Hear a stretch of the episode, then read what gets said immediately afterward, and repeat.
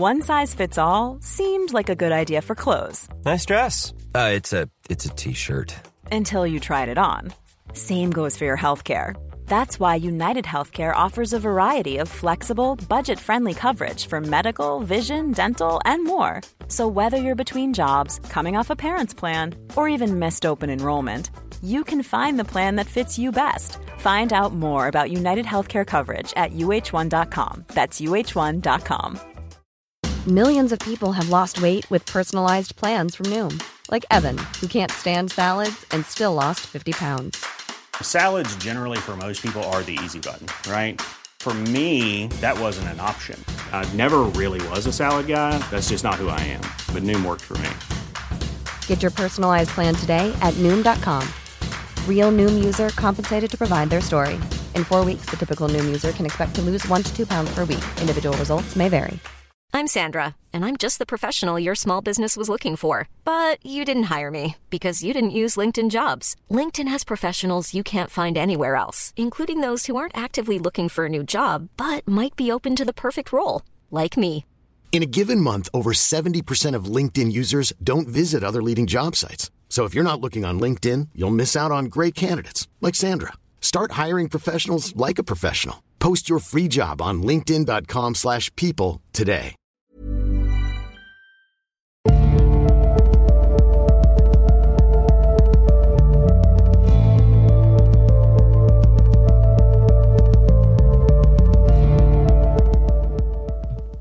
Hei og velkommen til eh, Tåkeprat. Jeg heter Even, og når jeg tar opp denne episode 94, så er det tirsdag den 19. februar 2019. For å være litt utradisjonell, så tar jeg altså opp og publiserer denne episoden på en tirsdag. Egentlig så var denne tenkt å komme ut på søndag som vanlig, men det kom noe i veien, og jeg ble litt forsinket. Men siden jeg har vinterferie denne uken, så ble det allikevel tid til å gjøre den ferdig. Så her er altså den andre og siste delen i fortellingen om Emanuel Svedenborg. Men aller først så hadde jeg tenkt til å snakke litt om genetikk. Jeg har i lang tid hatt lyst til å ta en gentest for å finne ut litt mer om opphavet mitt. Disse er jo blitt mer og mer tilgjengelige og billigere etter hvert som flere og flere syns at dette er en artig måte å finne ut litt mer om sitt genetiske opphav på men jeg har aldri klart å få ut fingeren og bestilt en slik test. Men til jul så fikk jeg en i gave, og det var sparket jeg trengte for å spytte i et reagensrør og få genene mine analysert. Jeg visste fra før av at familien min er veldig norsk, og jeg mistenkte at dette var noe som strakk seg tilbake til vikingtiden. Men hvem vet hva som kan ha skjedd i løpet av slektens gang? Og jeg håpet at denne testen ville bringe med seg noen oppsiktsvekkende resultater, og at jeg kanskje hadde noe mer spennende i årene enn bare norsk kneip og jeg skal hilse og si jeg fikk meg en liten overraskelse. Først og fremst så fikk jeg mine mistanker bekreftet. Jeg er rotnorsk. Hele 84,5% av det genetiske materialet mitt er skandinavisk. Jeg har også noe fra England og Tyskland, og jeg regner med det dreier seg om keltere, germanske stammer og den typen ting. Men jeg har ikke et eneste gen fra andre steder i Europa enn Nordvest-Europa, med det aller, aller meste konsentrert rundt Skandinavia og Norge ingen spennende sør- eller østeuropeere å snakke om, altså. Og det var faktisk litt sjokkerende. Ok, kult. Jeg kan påberope meg å være en vaskeekte viking. Nå har jeg faktisk et dokument som beviser dette. Men jeg har én genetisk avstamning til, og det er der jeg fikk meg et lite sjokk. 0,2% av mine gener er native american. Ja, du hørte riktig, jeg er faktisk delvis indianer. Dette åpner for en haug med spekulasjon og nye muligheter. Ikke minst er jeg nå komfortabel med å bruke nettopp ordet indianer. Så vidt jeg kan forstå, og nå har ikke jeg satt meg så veldig grundig inn i dette enda, jeg fikk akkurat resultatene i hånda, så betyr dette at jeg har en slektning fra den amerikanske urbefolkningen et godt stykke tilbake i tid.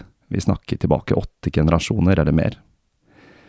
Den første forklaringen jeg kan komme på, med tanke på at resten av genene mine er så til de grader forankret i Norden, er at dette kan ha noe med norske vikingferder til Nord-Amerika å gjøre. Var rett og slett en av slektningene mine med Leif Eriksson til, eller rettere sagt tilbake fra Vinland? Eller var det flere som tok turen til det amerikanske kontinentet? Vi hadde mange kolonier, og det er jo ikke utenkelig at flere skip la ut på ferden til dette nye kontinentet. Hvem vet? Som sagt så har jeg akkurat fått resultatet i hånda, og akkurat begynt å utbrodere en historie i hodet mitt uten å gå så veldig dypt inn i det, men det er en veldig fascinerende tanke. En annen ting dette fører til, er at jeg nå ikke kan begå cultural appropriation av kulturen til den amerikanske urbefolkningen, for jeg er faktisk en del av den selv, selv om det er en veldig, veldig liten prosent. Dette er jo helt fantastisk, og åpner for en rekke muligheter, som eksempel å kle seg ut som Pocahontas på halloween, samt utstrakt bruk av frynser og drømmefangere. Ikke minst sier dette meg noe å prate om til alle som vil og ikke vil høre om min avstamning fra det amerikanske First Nations noe som allerede er i ferd med å gå mine nærmeste på nervene. Men all spøk til side, så gjør dette faktisk at jeg har fått et par ting å tenke på. Men nå skal vi til en mann som neppe hadde urfolkblod i årene, Emanuel Svedenborg. På samme måte som i forrige episode, så tenkte jeg å lese et utdrag fra en beskrivelse av himmelen til å begynne med, og en fra helvete til slutt. Jeg får bare beklage om noe av lesningen blir litt hakkete, men setningsoppbygningen og ordstillingen i tekstene hans er fryktelig tunge ettersom de er oversatt fra latin. Men jeg føler at det å lese litt direkte fra Svedenborg gjør seg i denne serien. Dette blir altså den andre og siste delen om denne mannen og hans fantastiske visjoner. Så la oss starte med en tur til himmelriket.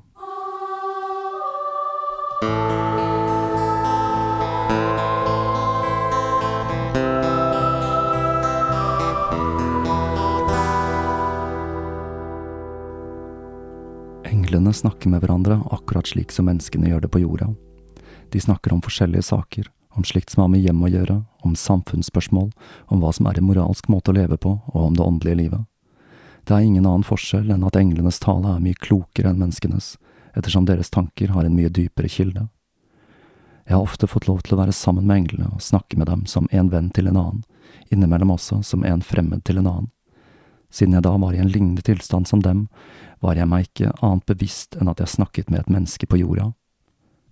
Englenes tale oppstår ved å bruke ulike ord, akkurat som menneskene gjør. Den ytres og oppfattes som lyder på samme måte. Englene har også munn, tunge og ører. De lever i en atmosfære bestående av luft, som lyden av talen deres artikuleres igjennom. Det er imidlertid en åndelig atmosfære som er tilpasset englene, siden englene er åndelige. Engler puster i denne lufta og bruker pusten til å snakke med akkurat som menneskene gjør i vår atmosfære. En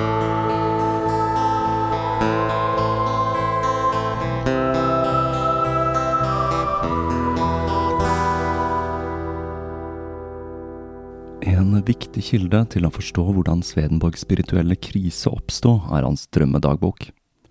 Svedenborg journalførte sine mange reiser, men disse journalene inneholder mer rene beskrivelser av hvor han reiste og hva han foretok seg. Dette skulle endre seg dramatisk i 1743. Svedenborg hadde i lengre tid vært opptatt av drømmer, en interesse som var blitt tent etter han hadde lest den tyske filosofen Christian Wolff, og mot slutten av 1743 begynte han å beskrive drømmene sine i en dagbok. Svedenborg oppdaget at han ofte kunne huske ting han ikke husket i våken tilstand i drømmene, og han betraktet drømmene sine som et produkt av sjelen. Drømmene begynte å bli en mer og mer sentral del av livet hans, og i mars 1744 hadde han begitt seg for fullt inn i drømmenes verden.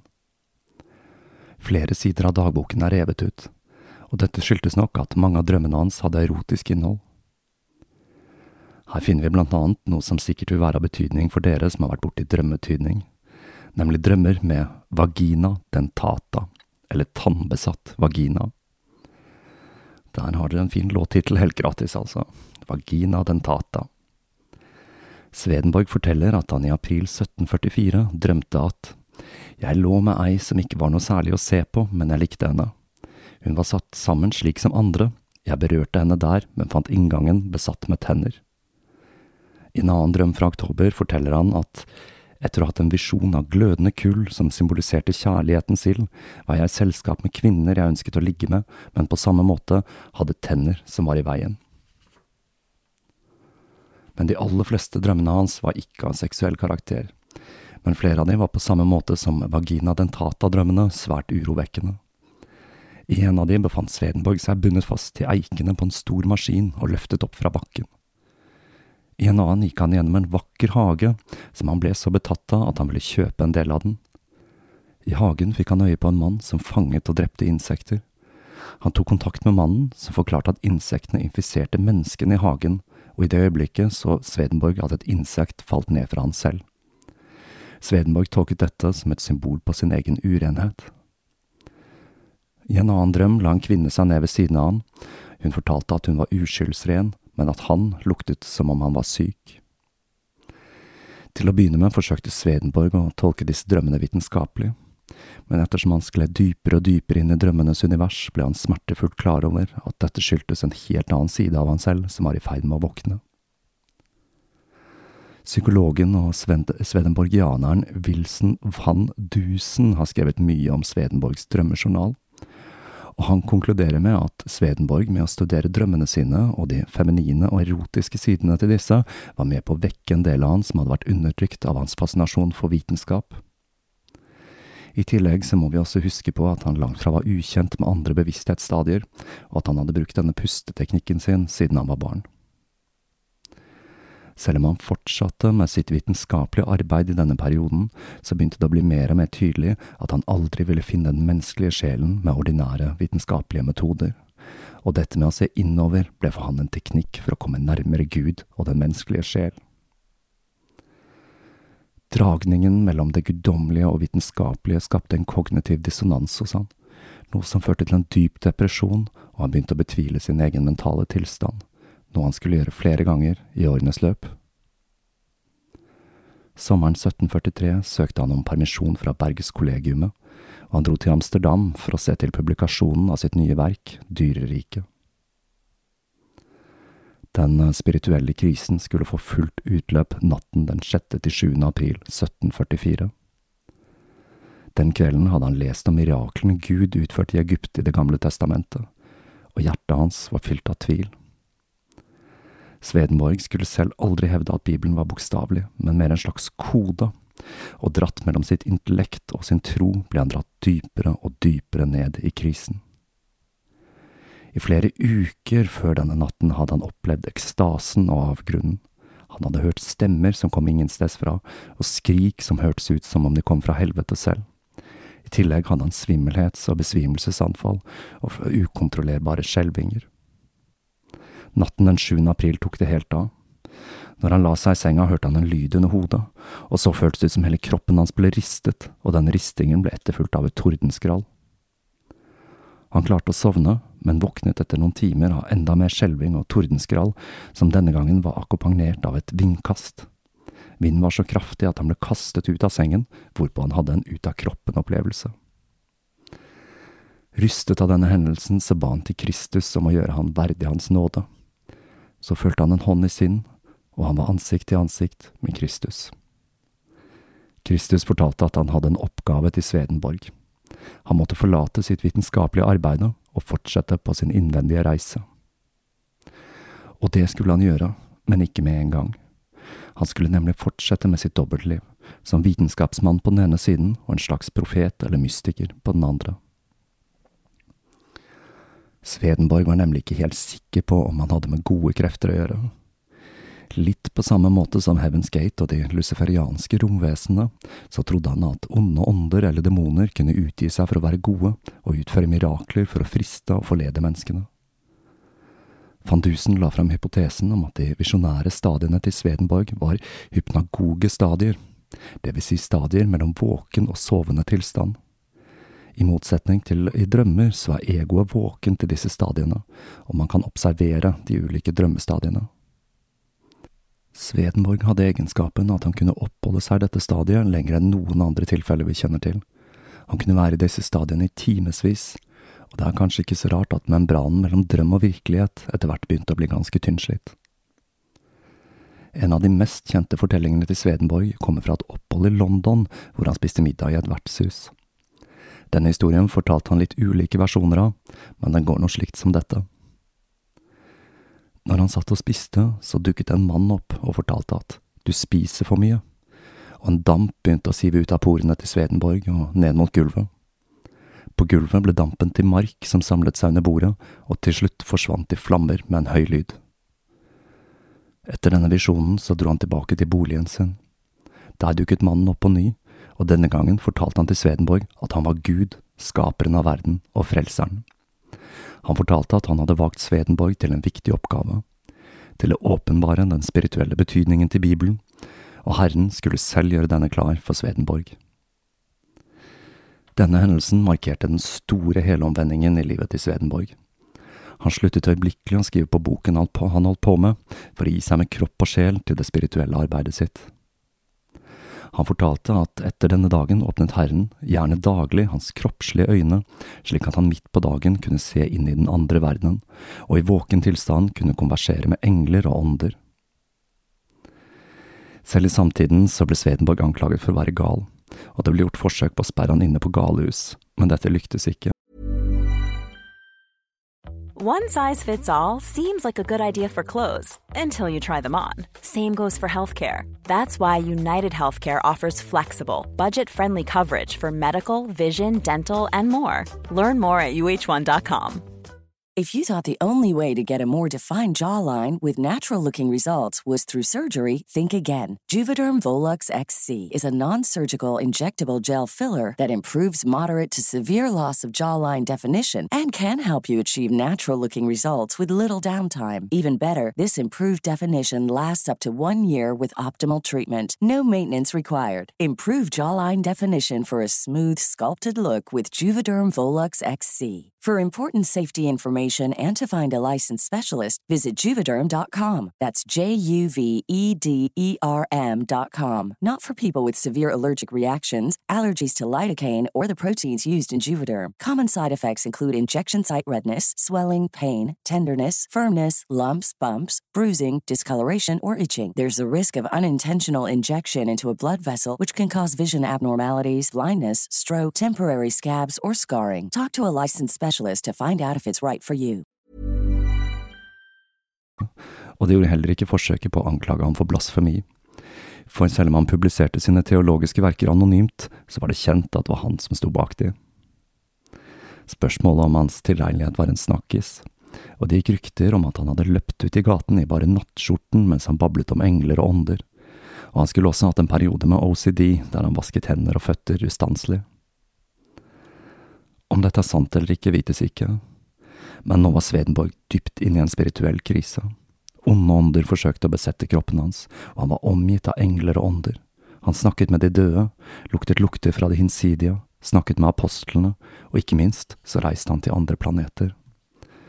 For i likhet med teosofene så mente Svedenborg at det var vesener på andre planeter, og at sjelene til disse også var i himmelen. Han kunne tilbringe ekstremt mye tid i sengen, enkelte ganger så lenge som tre–fire dager i strekk, og han hadde flere symptomer som skjelvinger og svettetokter.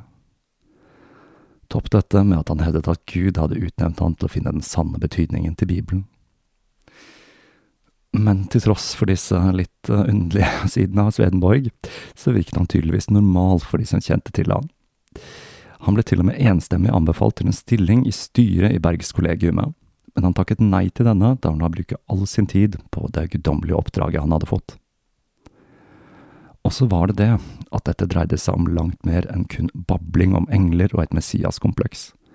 Det Swedenborg skrev ned, var som en reiseskildring, en detaljert beskrivelse av himmel og helvete som var sammenhengende og strukturert.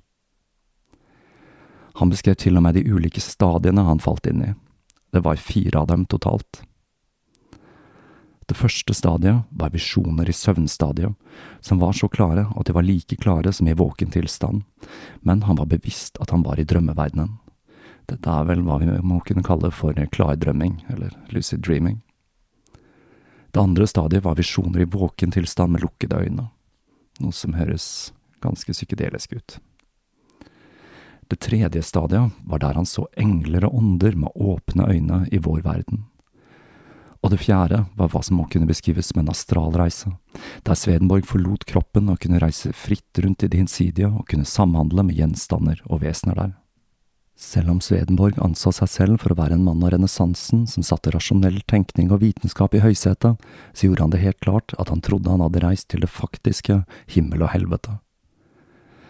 Det er god grunn til å tro at Svedenborg i høyeste grad opplevde de visjonene han beskrev, at dette langt fra dreide seg om oppspinnet til en bløffmaker. Det er nemlig en rekke likheter med Swedenborgs visjoner og rapporterte visjoner fra andre mystikere. Her er det naturlig for meg å tenke på Jeanne d'Arc, som er en av mine favoritter, men også psykedeliske stadier. Det er nemlig flere elementer i visjonene hans som har klare paralleller til psykedeliske visjoner, enten det dreier seg om fantastiske verdener eller vesenene han treffer på. Følelsen av tidløshet og en altomsluttende forståelse, og ikke minst nærværet til Gud eller det guddommelige, er noe som blir rapportert igjen og igjen i litteraturen. Det ser ut som at det språket som brukes til å gjenfortelle opplevelsen, er et som henger sammen med kulturen vedkommende kommer fra. I Swedenborgs tilfelle var dette noe som skjedde med et kristent bakteppe. Men vi finner flere eksempler der det kristne språket eksempel er byttet ut med et ufologisk et i nyere tid men selve opplevelsen ser ut til å oppstå fra det samme fenomenet. Og så må jeg dra McKenna kort igjen, for Terence fortalte en gang om hvordan han hadde beskrevet et vesen, en av hans selvtransformerende maskinalver, til et medlem av Itoto-stammen. Den innfødte hadde dratt kjensel på hva han snakket om, og hadde sagt at det er våre forfedre. Er det fristende å spekulere i om Svedenborg i sitt hypnagoge stadie på en eller annen måte klarte å utsondre DMT, kroppens eget psykedeliske stoff, og et som det spekuleres i om har en sammenheng med enkelte drømmestadier. Stoffet er i tryptamin, som er beslektet med melatonin, som regulerer søvnrytmen til kroppen, og det blir spekulert i om pinalkjertelen, som produserer hormonet melatonin, også produserer DMT. Det var veldig mye spekulasjon fra meg, men jeg føler meg iallfall ganske sikker på at disse stadiene som Svedenborg beskrev, var faktiske tilstander han opplevde. Her kan det jo også tenkes at disse var noe han klarte å gå inn i som en følge av andre ting. Tidligere så har jeg nevnt sammenhengen mellom schizofreni og ekstrem luktesans, så det er mange muligheter her. Men det er helt klart likheter mellom Svedenborgs beskrivelser av himmel og helvete og beskrivelser av ulike stadier framprovosert av tryptaminbaserte hallusinogener. Men Svedenborg var mye mer enn en psykonaut. Han var også en vaskeekte mystiker, og han var kjent både for sitt klarsyn og for å snakke med de døde. Jeg skal ikke ta for meg alle de ulike historiene om når Swedenborg forutså ulike hendelser, men jeg tenkte jeg skulle se litt på den aller mest kjente. Historien går slik. Under en middag en lørdag i Gøteborg reiste plutselig Swedenborg seg opp og forlot selskapet, og når han kom tilbake, så så han blek og forskrekket ut. Han fortalte at det hadde brutt ut en brann i Stockholm i nærheten av huset hans i Södermalm. Swedenborg fortalte at huset en bekjent alt var brent ned og han fortsatte å være urolig frem til klokken åtte, når han kunne meddele at brannen var blitt slukket før den hadde nådd huset hans. Ordføreren hørte om Svedenborgs visjon, og han avhørte han neste dag. Svedenborg ga en detaljert beskrivelse av brannen, hvordan den startet og hvor lenge den hadde vart. Den påfølgende mandagen kom en budbringer fra Stockholm som fortalte om brannen, og den skulle ha foregått akkurat slik som Svedenborg hadde beskrevet den i visjonen sin tillegg til å være kjent for sitt klarsyn og sine visjoner, så var Svedenborg også kjent for å kunne snakke med de døde. Det som er litt rart her, er at han hadde et svært nonsjalant forhold til dette, og det virker ikke som om dette var noe han gjorde for å imponere. Han hadde en tendens til å lire av seg ting som uh, i går snakket jeg med Sankt Paulus, som det var den mest naturlige tingen i verden. Men klarsyn og kommunikasjon med de døde var mindre viktig for Svedenborg. Hans misjon i livet var altså å dekode Bibelen. Han mente at Bibelen var skrevet i en slags symbolsk kode, og at den inneholdt sannheter om de spirituelle verdenene. For Svedenborg så var vår verden en som eksisterer parallelt med det åndelige planet, som et slags speilbilde av livet i det hinsidige, og det som skjer i vår verden, speiles i det hinsidige, og vice versa.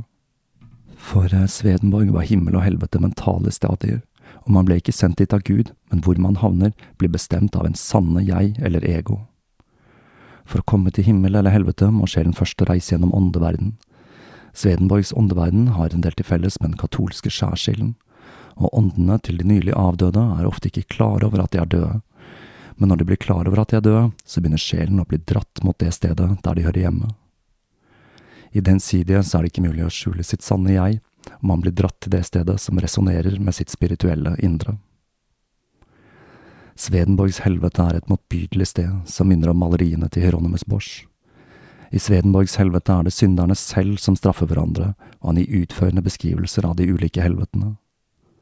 Noen er som nedbrente ruinbyer, enkelte som falleferdige landsbyer med endeløs vold og fortvilelse, Noen er enorme bordell fylt med avskum og ekskrement.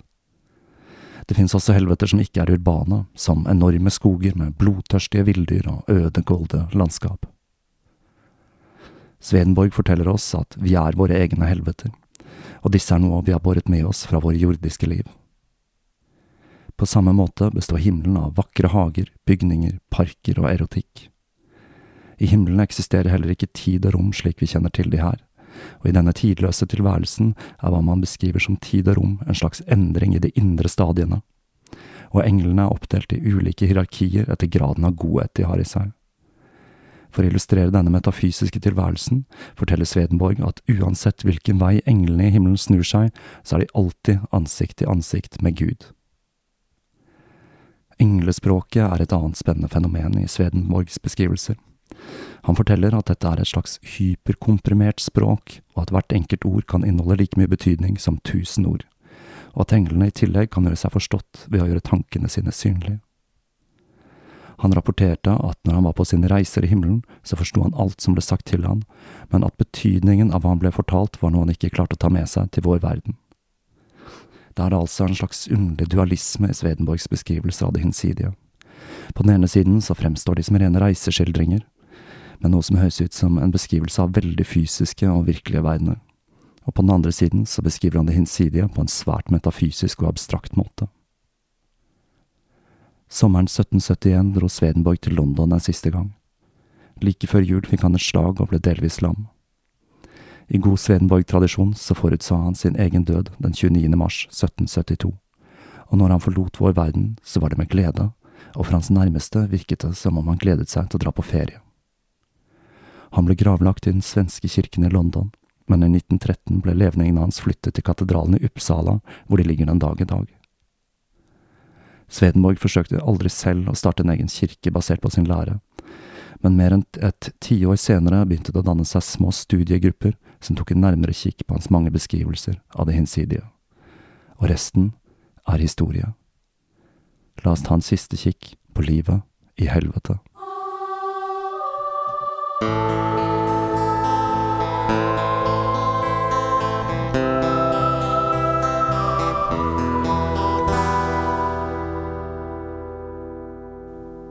I noen helveter kan man se noe som ligner ruiner etter nedbrente byer, der det bor helvetiske ånder som forsøker å holde seg skjult. I de mildere helvetene kan man se primitive hytter, noen ganger samlet i noe som ligner byer med trange passasjer og gater. Inni disse husene finnes det helvetiske ånder som krangler konstant, og hvor det råder fiendtlighet, slåssing og brutalitet. Gatene og de trange passasjene er fulle av tyver og røvere. I noen helveter finnes det ikke annet enn horehus, de ser fæle ut og er fulle av all slags skitt og ekskrementer. Det er videre mørke skoger hvor helvetiske ånder farer rundt som ville dyr, og det finnes underjordiske tunneler hvor de flykter når de blir forfulgt av andre. Det finnes også ørkenområder hvor alt er bart og fullt av sand, her og der med taggede klipper med huleganger, men hvor det også her og der ligger en enslig hytte. Ute i disse ørkenområdene kastes de åndene fra helvetene som har gått gjennom de verste plagene og straffene, særlig de åndene som i verden var listigere enn andre i å planlegge og utføre bedrageri og intriger. Dette livet er deres endelige lodd.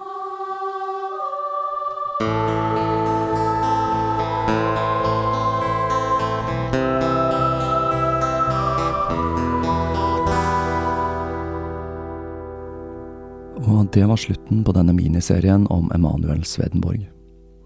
Svedenborgs arbeid har blitt tolket på ulike måter, både teologisk og psykologisk.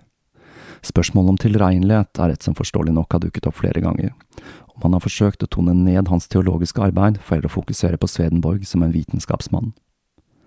Men når alt kommer til alt, så vil ikke Svedenborg ha vært den samme om han fjernet enten vitenskapsmannen eller mystikeren og Svedenborg fortjener definitivt en plass i historiebøkene som et unikt individ, og som en renessansemann og en mystiker.